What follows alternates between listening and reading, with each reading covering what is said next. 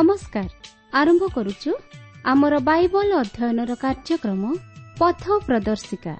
ପବିତ୍ର ବାଇବଲ କହେ ତୁମ୍ଭେ ସର୍ବାନ୍ତକରଣ ସହିତ ସଦାପ୍ରଭୁଙ୍କଠାରେ ବିଶ୍ୱାସ କର ଓ ନିଜ ସୁବିବେଚନାରେ ଆଉଜି ପଡ଼ ନାହିଁ। ଆପଣାର ସବୁ ଗତିରେ ତାହାଙ୍କୁ ସ୍ୱୀକାର କର। ତହିଁରେ ସେ ତୁମ୍ଭର ପଥ ସବୁ ସରଳ କରିବେ। ଆସନ୍ତୁ ସେହି ପଥ ପ୍ରଦର୍ଶକଙ୍କର ସନ୍ଧାନ ପାଇବା ନିମନ୍ତେ ଶୁଣିବା ବେତାର କାର୍ଯ୍ୟକ୍ରମ ପଥ ପ୍ରଦର୍ଶିକା।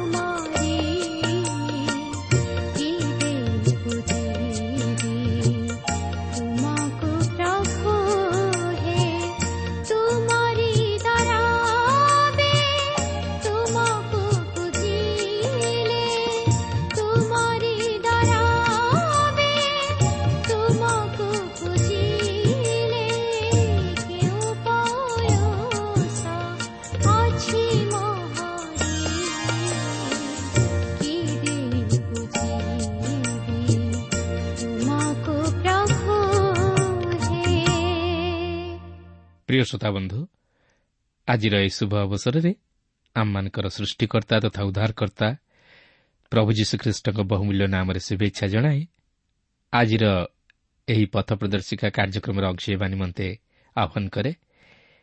ଆପଣଙ୍କର ସହଯୋଗ ତଥା ମତାମତ ନିମନ୍ତେ ବିଶେଷ ଧନ୍ୟବାଦ। ଆପଣଙ୍କର ପ୍ରାର୍ଥନାର ଅନୁରୋଧ ରକ୍ଷା କରି ଆମେ ମଧ୍ୟ ଆପଣଙ୍କ ନିମନ୍ତେ ପ୍ରାର୍ଥନା କରୁଅଛୁ।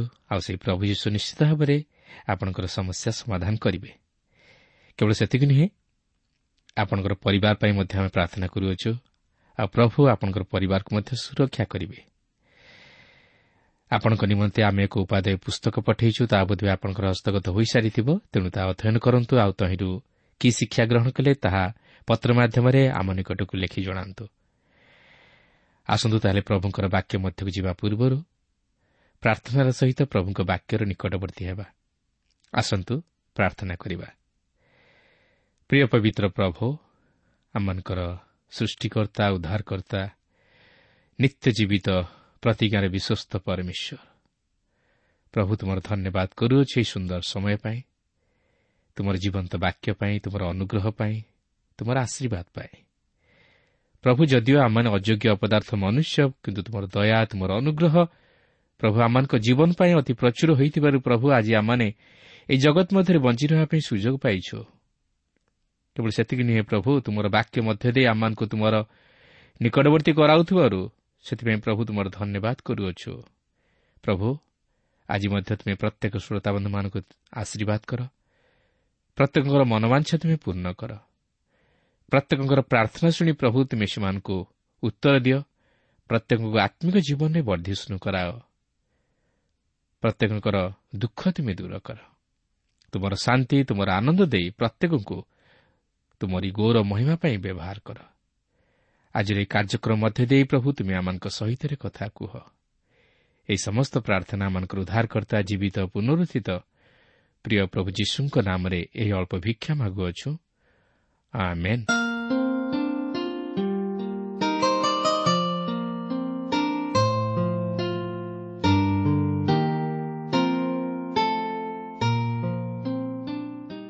ଆସନ୍ତୁ ବର୍ତ୍ତମାନ ଆମେ ପ୍ରଭୁଙ୍କର ବାକ୍ୟ ମଧ୍ୟକୁ ଯିବା।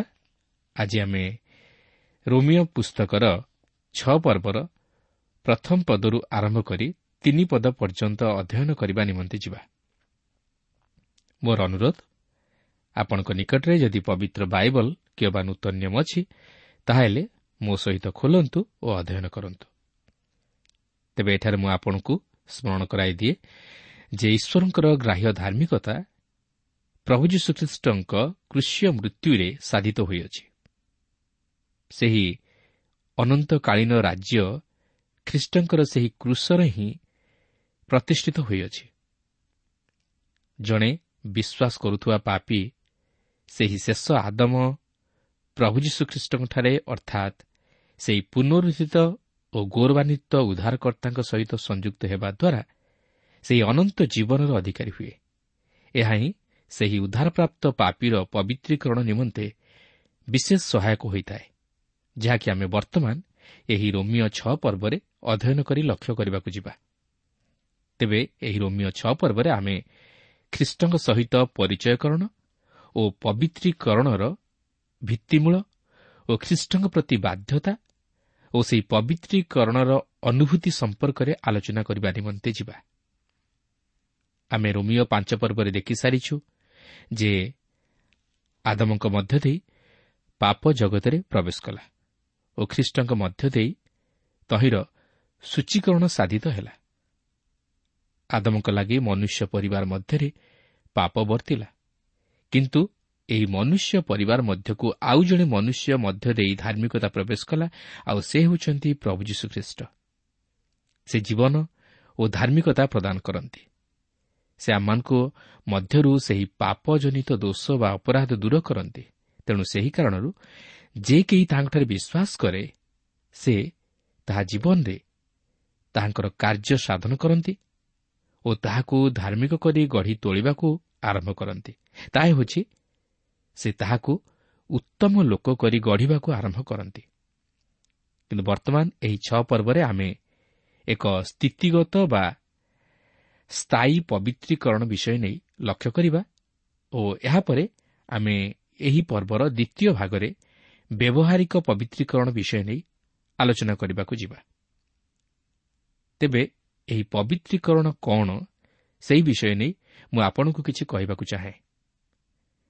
ଧାର୍ମିକତା ଓ ପବିତ୍ରୀକରଣ ମଧ୍ୟରେ ଏକ ଭିନ୍ନତା ରହିଅଛି। ଏ ଦୁଇଟି ପବିତ୍ର ବାଇବଲ ମଧ୍ୟରେ ଅତି ନିଗୁଢ଼ ଶବ୍ଦ। କାରଣ ପାପରୁ ଉଦ୍ଧାର ପାଇବା ଓ ଆମେ କେଉଁପରି ଭାବେ ନିଜକୁ ଗଢ଼ିବା ଏହି ଦୁଇଟି ମଧ୍ୟରେ ଯଥେଷ୍ଟ ଭିନ୍ନତା ରହିଅଛି। ଯେହେତୁ ଜଣେ ଉଦ୍ଧାରପ୍ରାପ୍ତ ପାପି ଈଶ୍ୱରଙ୍କ ନିମନ୍ତେ ପୃଥକୀକୃତ ହୋଇଥାଏ। ଧାର୍ମିକତା ନିମନ୍ତେ ଖ୍ରୀଷ୍ଟଙ୍କ ସହିତ ପରିଚୟକରଣ ଆମମାନଙ୍କର ପବିତ୍ରୀକରଣ ଭିତ୍ତିକ। ଆମେ ଖ୍ରୀଷ୍ଟଙ୍କ ସହିତ ସଂଯୁକ୍ତ ହେଉ। ଧାର୍ମିକୀକରଣ ଓ ପବିତ୍ରୀକରଣ ଦୁଇଟି ଭିନ୍ନ ଭିନ୍ନ ବିଷୟ। ମାତ୍ର ସେମାନେ ପୁରାପୁରି ଭିନ୍ନ ନୁହନ୍ତି। କାରଣ ଧାର୍ମିକତା ହେଉଛି ଭିତ୍ତିମୂଳ ଯାହା ଉପରେ ପବିତ୍ରୀକରଣର ଗଠନ ପ୍ରଣାଳୀ ନିର୍ଭର କରେ ବା ପ୍ରତିଷ୍ଠିତ ହୁଏ। ତେବେ ଏହାକୁ ମୁଁ ଏହିପରି ଉପସ୍ଥାପିତ କରିବାକୁ ଚାହେଁ। ଦେଖନ୍ତୁ ଯେଉଁ ମୁହୂର୍ତ୍ତରେ ଆପଣ ଖ୍ରୀଷ୍ଟଙ୍କଠାରେ ବିଶ୍ୱାସ କରନ୍ତି ସେହି ମୁହୂର୍ତ୍ତରେ ଧାର୍ମିକତା ସାଧିତ ହୁଏ। ଆପଣ ଧାର୍ମିକ ବୋଲି ଗଣିତ ହୁଅନ୍ତି ଓ ସେହି ଦୋଷ ବା ଅପରାଧ ଦୂର ହୋଇଯାଏ। ମାତ୍ର ଏହାପରେ ଈଶ୍ୱର ଆପଣଙ୍କ ଜୀବନରେ କାର୍ଯ୍ୟ କରିବାକୁ ଆରମ୍ଭ କରନ୍ତି ଯାହାକି ଆପଣଙ୍କର ଜୀବନରେ କ୍ରମାଗତ ଲାଗି ରହେ। ମୁଁ ଏକାଥରକେ ପରିତ୍ରାଣ ପ୍ରାପ୍ତ ହେବାରେ ବିଶ୍ୱାସ କରେ। ମାତ୍ର ପବିତ୍ରୀକରଣ ଏକ ଜୀବନବ୍ୟାପୀ ଧାରା ବା ପ୍ରଣାଳୀ। ଅନ୍ୟ ଅର୍ଥରେ କହିବାକୁ ଗଲେ ଧାର୍ମିକତା ଆମମାନଙ୍କ ନିମନ୍ତେ ମାତ୍ର ପବିତ୍ରୀକରଣ ଆମ୍ଭମାନଙ୍କ ମଧ୍ୟରେ। ଧାର୍ମିକତା ଜଣେ ପାପୀକୁ ଧାର୍ମିକ ବୋଲି ପ୍ରକାଶ କରେ କିନ୍ତୁ ପବିତ୍ରୀକରଣ ଜଣେ ପାପୀକୁ ଧାର୍ମିକ କରି ଗଢ଼ି ତୋଳେ। ଧାର୍ମିକତା ପାପର ଦଣ୍ଡ ଓ ଦୋଷ ଦୂର କରିଦିଏ। ମାତ୍ର ପବିତ୍ରୀକରଣ ପାପର ଅଭିବୃଦ୍ଧି ଓ ଶକ୍ତିକୁ ପ୍ରତିହତ କରେ।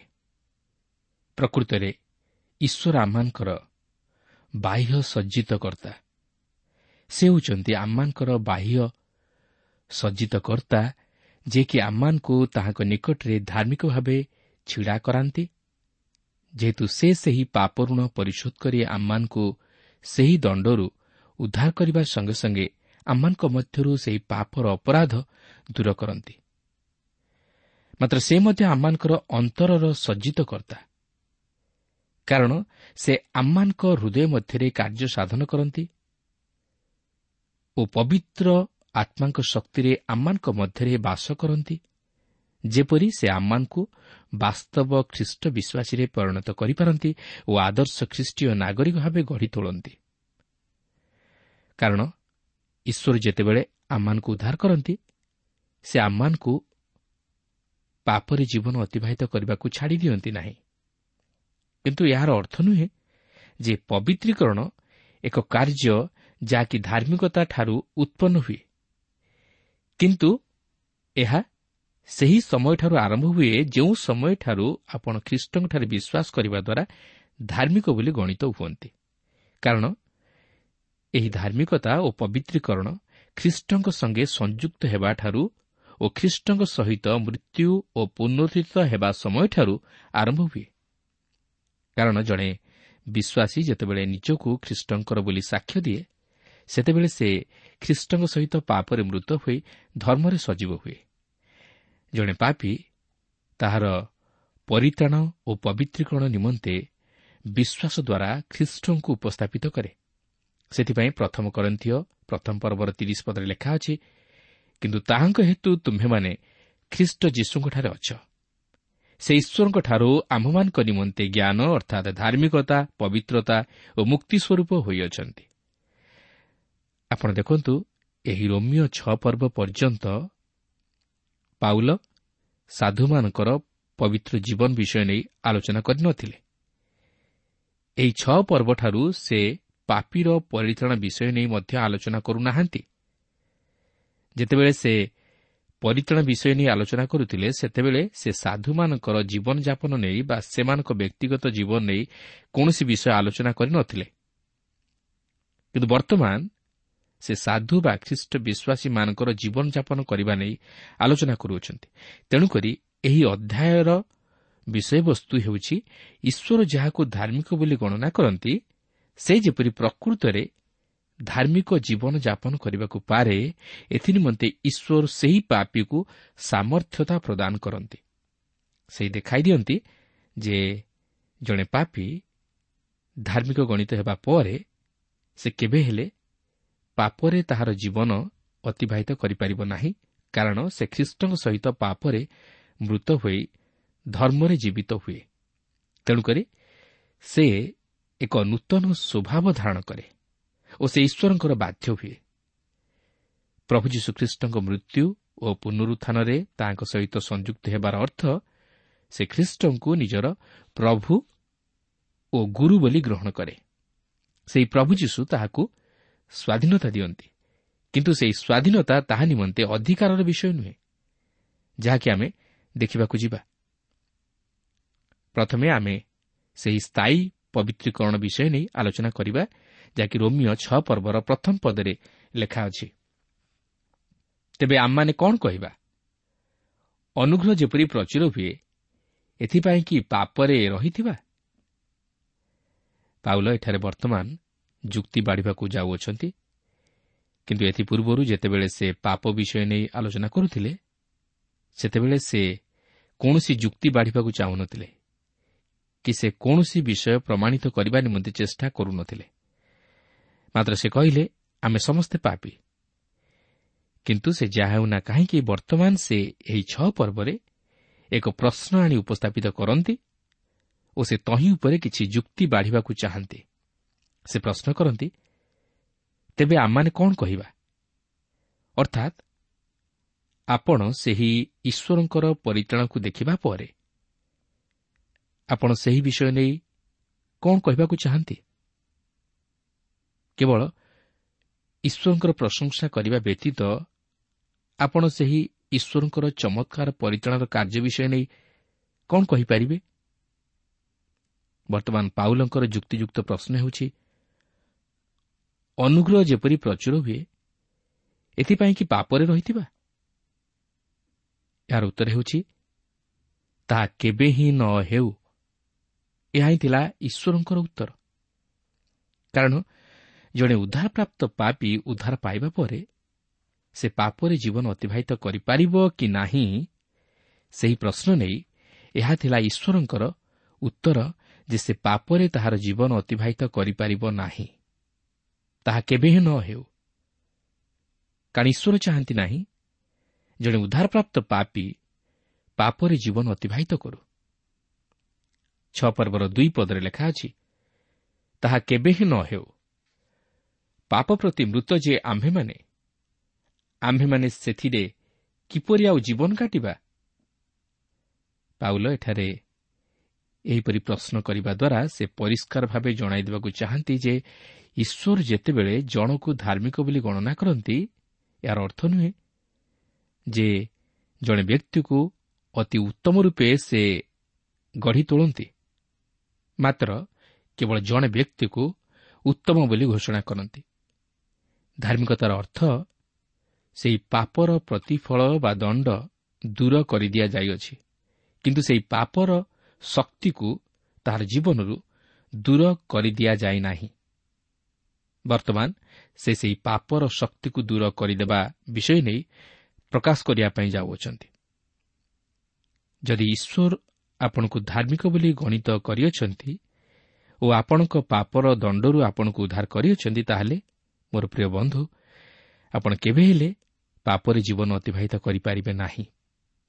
ଏହାର କାରଣ ହେଉଛି ଈଶ୍ୱର ତାହା ଆପଣଙ୍କ ଜୀବନରେ ଦେଖିବାକୁ ଚାହାନ୍ତି ନାହିଁ। ଆପଣ ପାପ କରିପାରନ୍ତି ମାତ୍ର ଆପଣ କେବେ ହେଲେ ପାପରେ ଜୀବନ ଅତିବାହିତ କରିପାରିବେ ନାହିଁ। ଆପଣ ତହିଁରୁ ବାହାରି ଆସିବା ପାଇଁ ନିଶ୍ଚିତ ଭାବରେ ଚେଷ୍ଟା କରିବେ। ଏଠାରେ ଲେଖା ଅଛି ପାପ ପ୍ରତି ମୃତ ଯେ ଆମ୍ଭେମାନେ ଆମ୍ଭେମାନେ ସେଥିରେ କିପରି ଆଉ ଜୀବନ କାଟିବା? ତେବେ ଏହାକୁ ଅନେକ ଭୁଲ ଭାବେ ଅର୍ଥ କରନ୍ତି। କାରଣ ଯେପର୍ଯ୍ୟନ୍ତ ଆମେ ଏହି ଜୀବନରେ ଅଛୁ ଆମେ କେବେ ହେଲେ ପାପ ପ୍ରତିବୃତ ହୋଇପାରିବା ନାହିଁ। ଯେହେତୁ ଆମମାନଙ୍କ ନିମନ୍ତେ ଜଣେ ମୃତ୍ୟୁବରଣ କରିଅଛନ୍ତି ଆଉ ସେ ହେଉଛନ୍ତି ପ୍ରଭୁ ଯୀଶୁଖ୍ରୀଷ୍ଟ। ତେଣୁ ଆମ୍ଭେମାନେ ସେହି ପ୍ରଭୁ ଯୀଶୁଖ୍ରୀଷ୍ଟଙ୍କ ସହିତରେ ମୃତ ହେଲୁ। କିନ୍ତୁ ଆମମାନେ କେବେ ହେଲେ ପାପ ପ୍ରତି ମୃତ ହୋଇନାହୁଁ। କୌଣସି ଧାର୍ମିକ ବା ବିଶ୍ୱସ୍ତ ଲୋକ କେବେ ହେଲେ ପାପ ପ୍ରତି ମୃତ ହୋଇପାରିବ ନାହିଁ। ସେ ସେହି ସ୍ଥାନରେ ପହଞ୍ଚିପାରେ ଯେଉଁ ସ୍ଥାନରେ କି ସେ ପ୍ରଭୁଙ୍କ ନିମନ୍ତେ ବଞ୍ଚିବାକୁ ଚାହେଁ। ମାତ୍ର ସେ ଜାଣିପାରେ ଯେ ତଥାପି ତାହା ମଧ୍ୟରେ ସେହି ପାପର ପୁରାତନ ସ୍ୱଭାବ ରହିଅଛି। ଏହାପରେ ରୋମିଓ ଛଅ ପର୍ବର ତିନି ପଦରେ ଲେଖା ଅଛି ଆମମାନେ ଯେତେ ଲୋକ ଖ୍ରୀଷ୍ଟ ଯୀଶୁଙ୍କଠାରେ ବାପ୍ତିଜିତ ହୋଇଅଛୁ ସମସ୍ତେ ଯେ ତାହାଙ୍କ ମରଣରେ ବାପ୍ତିଜିତ ହୋଇଅଛୁ ଏହା କି ତୁମେମାନେ ଜାଣ ନାହିଁ? ଏହି ଅଂଶଟି ମଧ୍ୟ ଅନେକଙ୍କ ଦ୍ୱାରା ଭୁଲ ଭାବେ ତର୍ଜମା କରାଯାଇଅଛି। ସେମାନେ ଏହାର ପ୍ରକୃତ ଅର୍ଥକୁ ବୁଝିପାରି ନାହାନ୍ତି ସେମାନେ ଏହାକୁ କେବଳ ଜଳରେ ବାପ୍ତିଷ୍ମ ଗ୍ରହଣ କରିବା ମଧ୍ୟରେ ସୀମିତ ରଖିଦିଅନ୍ତି। କିନ୍ତୁ ଯଦି ଆପଣ ତାହାକୁ କେବଳ ଜଳ ମଧ୍ୟରେ ସୀମିତ ରଖିଦିଅନ୍ତି ତାହେଲେ ଆପଣ ତାହାର ପ୍ରକୃତ ଅର୍ଥକୁ ବୁଝିପାରି ନାହାନ୍ତି ତେବେ ପାଉଲ ଯେତେବେଳେ ଏହି ବାପ୍ତିଜିତ ଶବ୍ଦକୁ ଏଠାରେ ବ୍ୟବହାର କରନ୍ତି ସେତେବେଳେ ସେ କ'ଣ କହିବାକୁ ଚାହାନ୍ତି? କିନ୍ତୁ ମୁଁ ଭାବୁନାହିଁ ଯେ ସେ ମୁଖ୍ୟତଃ ଜଳରେ ବାପ୍ତିଜିତ ହେବା ବିଷୟକୁ ଦୃଷ୍ଟି ଆଗରେ ରଖି ଏହିପରି ପ୍ରକାଶ କରନ୍ତି। ମାତ୍ର ସେ ପ୍ରକୃତରେ ଖ୍ରୀଷ୍ଟଙ୍କ ସହିତ ପରିଚୟକରଣର ବିଷୟକୁ ଏଠାରେ ଉପସ୍ଥାପିତ କରନ୍ତି। କାରଣ ଆମ୍ଭେମାନେ ତାଙ୍କର ମୃତ୍ୟୁରେ ତାହାଙ୍କ ସହିତ ବାପ୍ତିଜିତ ହୋଇଅଛୁ ବା ପରିଚିତ ହୋଇଅଛୁ। କାରଣ ସେ ଆମ୍ଭମାନଙ୍କ ପାପ ନିମନ୍ତେ ମୃତ୍ୟୁଭୋଗ କଲେ। ଆମମାନଙ୍କର ପାପର ଦଣ୍ଡ ତାହାଙ୍କ ଉପରେ ବର୍ତ୍ତିଲା। ଓ ତାହାଙ୍କ ପ୍ରହାରରେ ଆମ୍ଭେମାନେ ସୁସ୍ଥ ହେଲୁ। ସେଥିପାଇଁ ପ୍ରଥମ କରନ୍ତୀୟ ବାର ପର୍ବର ତେର ପଦରେ ପ୍ରେରିତ ପାଉଲ ଏହିପରି କହନ୍ତି ଯେଣୁ ଆମ୍ଭେମାନେ ଜିହୁଦୀ ହେଉ ବା ଗ୍ରୀକ୍ ହେଉ ଦାସ ହେଉ ବା ସ୍ୱାଧୀନ ହେଉ ସମସ୍ତେ ତ ଏକ ଆତ୍ମାଙ୍କ ଦ୍ୱାରା ଏକ ଶରୀର ହେବା ଉଦ୍ଦେଶ୍ୟରେ ବାପ୍ତିଜିତ ହୋଇଅଛୁ ଆଉ ସମସ୍ତେ ଏକ ଆତ୍ମାରୁ ପାନ କରିଅଛୁ ତେଣୁକରି ଆମ୍ଭେମାନେ ଖ୍ରୀଷ୍ଟଙ୍କ ମୃତ୍ୟୁରେ ତାହାଙ୍କ ସହିତ ପରିଚିତ ହୋଇଅଛୁ। ଏହି ବିଷୟ ମଧ୍ୟ ପାଉଲ ଏହାର ପରବର୍ତ୍ତୀ ଅଂଶରେ ବୁଝାଇ ଦେଇଛନ୍ତି ଯାହାକି ଆମେ ପରବର୍ତ୍ତୀ ପାଠରେ ଅଧ୍ୟୟନ କଲେ ଜାଣିପାରିବା। କିନ୍ତୁ ଏଠାରେ ଆମେ ଜାଣିବାକୁ ପାରୁଛୁ ଯେ ଖ୍ରୀଷ୍ଟ ଯୀଶୁଙ୍କଠାରେ ବିଶ୍ୱାସ କରିବା ଦ୍ୱାରା ଯଦିଓ ଜଣେ ପାପି ପାପରୁ ଉଦ୍ଧାର ପାଇ ଈଶ୍ୱରଙ୍କ ନିକଟରେ ଧାର୍ମିକ ବୋଲି ବିବେଚିତ ହୁଏ ମାତ୍ର ଏହାର ଅର୍ଥ ନୁହେଁ ଯେ ସେ ଧାର୍ମିକ ହୋଇଯାଏ। ମାତ୍ର ସେହି ସମୟଠାରୁ ଈଶ୍ୱର ତାହାକୁ ଧାର୍ମିକ କରି ଗଢ଼ି ତୋଳିବା ନିମନ୍ତେ ଚେଷ୍ଟା କରନ୍ତି। ଓ ସେ ସେହି ସମୟଠାରୁ ଈଶ୍ୱରଙ୍କ ନିମନ୍ତେ ସେହି ଧାର୍ମିକତାର ପଥରେ ଅଗ୍ରସର ହୁଏ। ସେ କେବେ ହେଲେ ପାପରେ ଜୀବନ ଅତିବାହିତ କରିବାକୁ ଚାହିଁବ ନାହିଁ କାରଣ ସେ ସେହି ପରିତ୍ରାଣର ଅନୁଭୂତି ଲାଭ କରିଥାଏ ଓ ଯଦିବା ସିଏ ପାପ କରେ ମାତ୍ର ସେ ତହିଁରୁ ଫେରିଆସିବାକୁ ଚେଷ୍ଟା କରେ। ତେଣୁ ଈଶ୍ୱର ଯେତେବେଳେ ଜଣେ ଉଦ୍ଧାରପ୍ରାପ୍ତ ପାପୀକୁ ଧାର୍ମିକ ବୋଲି ଗଣନା କରନ୍ତି ଏହାର ଅର୍ଥ ନୁହେଁ ଯେ ସେ ତାହାକୁ ଧାର୍ମିକ ବୋଲି ଗ୍ରହଣ କରିନିଅନ୍ତି। ମାତ୍ର ତାହାକୁ ଧାର୍ମିକ କରି ଗଢ଼ି ତୋଳିବା ନିମନ୍ତେ ସେହି ସମୟଠାରୁ ଚେଷ୍ଟା କରନ୍ତି। ତେଣୁକରି ଜଣେ ଉଦ୍ଧାରପ୍ରାପ୍ତ ପାପୀର ବାସ୍ତବ ଖ୍ରୀଷ୍ଟୀୟ ଜୀବନ ଏହିଠାରୁ ହିଁ ଆରମ୍ଭ ହୁଏ। ଈଶ୍ୱର ତାହାକୁ ପବିତ୍ରୀକୃତ କରନ୍ତି। ଯେପରି ସେ ଈଶ୍ୱରଙ୍କ ନିମନ୍ତେ ଏକ ଉତ୍ତମ ଲୋକ ତଥା ଧାର୍ମିକ ବ୍ୟକ୍ତି ହେବାକୁ ପାରେ। ତେଣୁ ଈଶ୍ୱର ତାହାକୁ କେବେ ଛାଡ଼ି ଦିଅନ୍ତି ନାହିଁ। ସେ ତାହାକୁ କେବେ ହେଲେ ସେହି ପାପରେ ବିନଷ୍ଟ ହେବା ନିମନ୍ତେ ସୁଯୋଗ ଦିଅନ୍ତି ନାହିଁ। ପ୍ରିୟ ବନ୍ଧୁ ମୁଁ ଜାଣେ ନା ଆପଣ ପରିତ୍ରାଣ ପ୍ରାପ୍ତ କି ନା? ଯଦି ଆପଣ ପାପରୁ ଉଦ୍ଧାର ପ୍ରାପ୍ତ ହୋଇ ସେହି ପରିତ୍ରାଣର ଅଧିକାରୀ ହୋଇଅଛନ୍ତି ତାହେଲେ ଆପଣ ଈଶ୍ୱରଙ୍କ ନିକଟରେ ଧାର୍ମିକ ବୋଲି ବିବେଚିତ ହୋଇଅଛନ୍ତି। କିନ୍ତୁ ସେତିକିରେ ପୂର୍ଣ୍ଣଚ୍ଛେଦ ପକାନ୍ତୁ ନାହିଁ। କାରଣ ଈଶ୍ୱର ଆପଣଙ୍କୁ ବାସ୍ତବରେ ଧାର୍ମିକ କରି ଗଢ଼ି ତୋଳିବା ନିମନ୍ତେ ଚାହାନ୍ତି। ତେଣୁ ସେ ଆପଣଙ୍କୁ ସେହି ଧର୍ମମୟ ପଥରେ କଢ଼ାଇ ନେବାକୁ ଚାହାନ୍ତି। ସେ ଚାହାନ୍ତି ନାହିଁ ଆପଣ ପାପରେ ପୁନର୍ବାର ନିଜର ଜୀବନ ଅତିବାହିତ କରନ୍ତୁ। କିନ୍ତୁ ସେ ଚାହାନ୍ତି ଆପଣଙ୍କୁ ଏକ ଉତ୍ତମ ନାଗରିକ ଭାବେ ଗଢ଼ିବା ପାଇଁ। ତେଣୁ ସେହି ଈଶ୍ୱରଙ୍କ ହସ୍ତରେ ନିଜକୁ ସମ୍ପୂର୍ଣ୍ଣ ସମର୍ପଣ କରନ୍ତୁ ଓ ଖ୍ରୀଷ୍ଟଙ୍କଠାରେ ବିଶ୍ୱାସରେ ଲାଗି ରହି ପାପରୁ ପୃଥକୀକୃତ ଜୀବନଯାପନ କରନ୍ତୁ। ଯଦି ଆପଣ ନିଜକୁ ଦୁର୍ବଳ ମନେ କରୁଅଛନ୍ତି ତାହେଲେ ପ୍ରଭୁ ଯୀଶୁଙ୍କଠାରୁ ଶକ୍ତି ମାଗନ୍ତୁ। ତାହେଲେ ସେ ଆପଣଙ୍କୁ ଏହି ଜଗତରେ ଏକ ବିଜୟୀ ଜୀବନ ଯାପନ କରିବା ନିମନ୍ତେ ଶକ୍ତି ଦେବେ। ପ୍ରିୟ ବନ୍ଧୁ ଆମେ ନିଜର ଶକ୍ତିରେ ନିଜର ଧର୍ମକର୍ମରେ କେବେ ହେଲେ ଏହି ଜଗତରେ ଧାର୍ମିକ ଜୀବନଯାପନ କରିପାରିବା ନାହିଁ। ଏଥିନିମନ୍ତେ ଆମମାନଙ୍କ ନିମନ୍ତେ ଜଣଙ୍କର ସହାୟତା ଆବଶ୍ୟକ। ଆଉ ସେ ହେଉଛନ୍ତି ପ୍ରଭୁ ଶ୍ରୀଖ୍ରୀଷ୍ଟ ଯିଏକି ଜଗତକୁ ଜୟ କରିଅଛନ୍ତି। ଆଉ ସେ ହିଁ ଆମମାନଙ୍କୁ ଧାର୍ମିକ ଜୀବନଯାପନ କରିବା ନିମନ୍ତେ ଶକ୍ତି ଦେବେ। ଶୈତାନ ସମସ୍ତ ପରୀକ୍ଷା ପ୍ରଲୋଭନ ଉପରେ ବିଜୟୀ ଜୀବନଯାପନ କରିବା ନିମନ୍ତେ ଶକ୍ତି ଦେବେ। ଆଉ ତାହାଙ୍କ ଶକ୍ତିରେ ହିଁ ଆମମାନେ ଏହି ଜଗତ ଉପରେ ବିଜୟୀ ଜୀବନଯାପନ କରିବା ନିମନ୍ତେ ସମର୍ଥ ହୋଇପାରିବା ତେଣୁ ଆସନ୍ତୁ ସେହି ପ୍ରଭୁ ଯୀଶୁଙ୍କୁ ନିଜ ଜୀବନରେ ସାଥୀ କରି ତାହାଙ୍କର ବାକ୍ୟ ଅନୁଯାୟୀ ଜୀବନଯାପନ କରି ତାହାଙ୍କର ଅଭିମତକୁ ସଫଳ କରୁ। ତାହେଲେ ଆମମାନେ ପାପରୁ ଉଦ୍ଧାରପ୍ରାପ୍ତ ହୋଇ ସେହି ଧାର୍ମିକ ଜୀବନଯାପନ କରି ଅନନ୍ତ ଜୀବନର ଅଧିକାରୀ ହୋଇପାରିବା। ପ୍ରଭା ପ୍ରତ୍ୟେକଙ୍କୁ ଏହି ସଂକ୍ଷିପ୍ତ ଆଲୋଚନା ମଧ୍ୟ ଦେଇ ଆଶୀର୍ବାଦ କରନ୍ତୁ।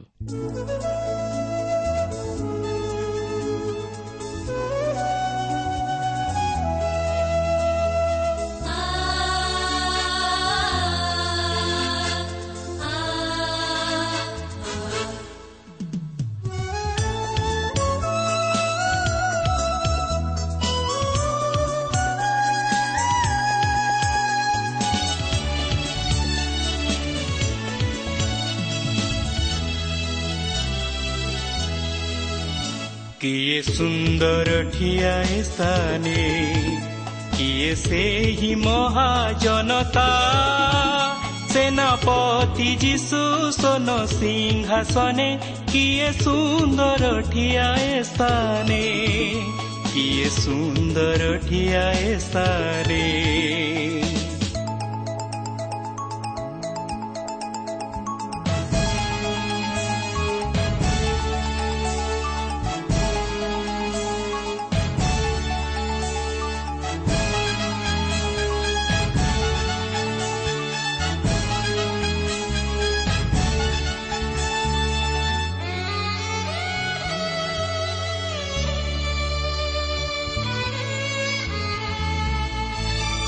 तोड़ाए हेऊ ती तोडा हेऊ पाचो हेऊ जहाँ कामे लगई छोटो हेऊ बा बडो हेऊ कामो पाए पूरा करे की ये सुंदर ढियाए स्थाने की ये सेही महाजनता तेना पोती जी सु सोनो सिंहासन ने କିଏ ସୁନ୍ଦର ଠିଆଏ ସ୍ଥାନେ କିଏ ସୁନ୍ଦର ଠିଆଏ ପ୍ରିୟ ଶ୍ରୋତା ଆମର କାର୍ଯ୍ୟକ୍ରମ ନିୟମିତ ଶୁଣୁଥିବାରୁ ଅଶେଷ ଧନ୍ୟବାଦ।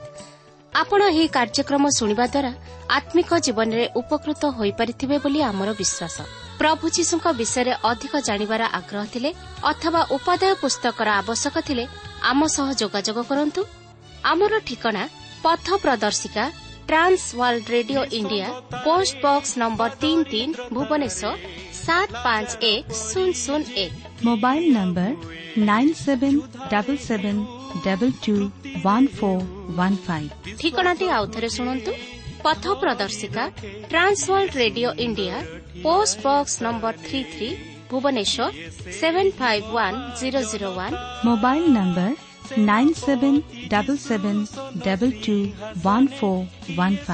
আমার ইমেল আড্রেস টি লিখি রাখুন Odia TTV at radio eight eight two dot com তেবে আজ বিদায় দিন্তু নমস্কার